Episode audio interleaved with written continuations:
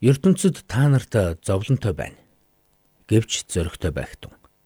Би ертөнцийг ялсан гэж альтлаа. Йохан 16-гийн 33.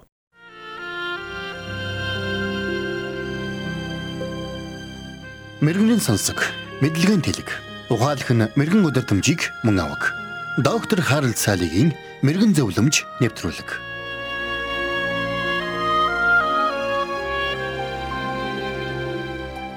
Та хамгийн сүлд хизээ уурлаж уцаарлсандаа толгой өвдөж, толгойн юм уусан бай.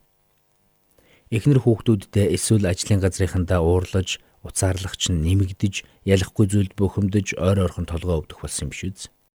Хэрвээ тийм бол эн чинь та хэвийн бус байна гэсэн үг.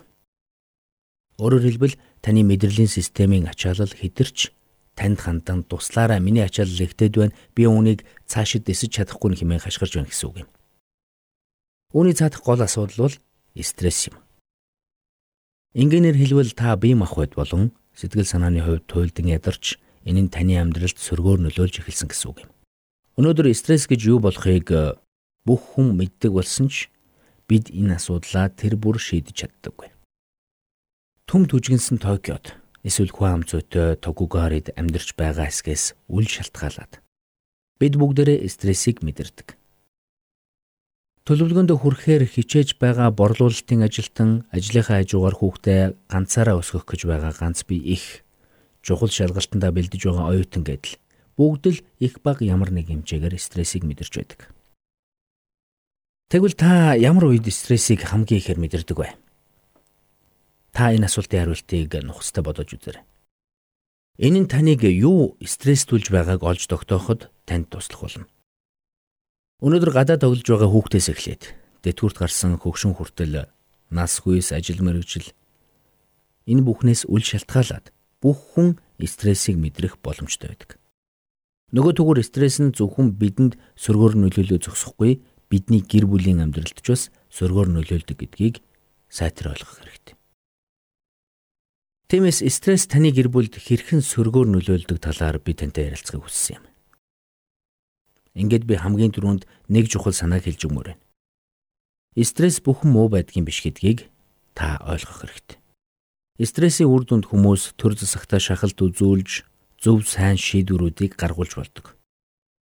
Стрессийн үр дүнд чадварлаг хөгжимчин хамгийн гайхалтай хөг аялгауг тоглож болно. Гэвч стресс хэтэрвэл энэ нь бидний амьдралд маш ноцтой сөрөг үр дагавруудыг авчирч биднийг сөхрүүлдэг гэдгийг ойлгох хэрэгтэй.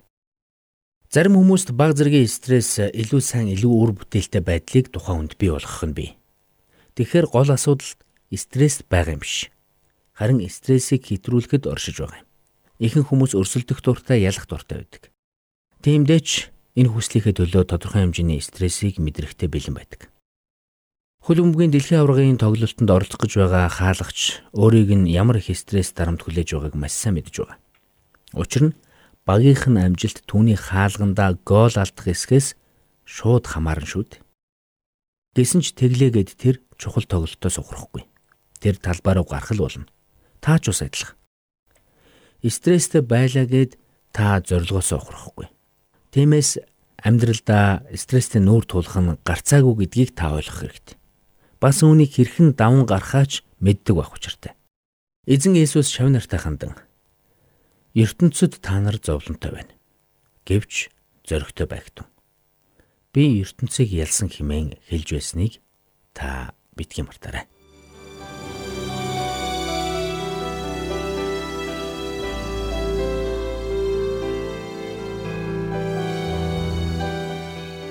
Мэргэн нэгнийг дагвал мэргэн, мулгуутай нөхөрлөл хорлол.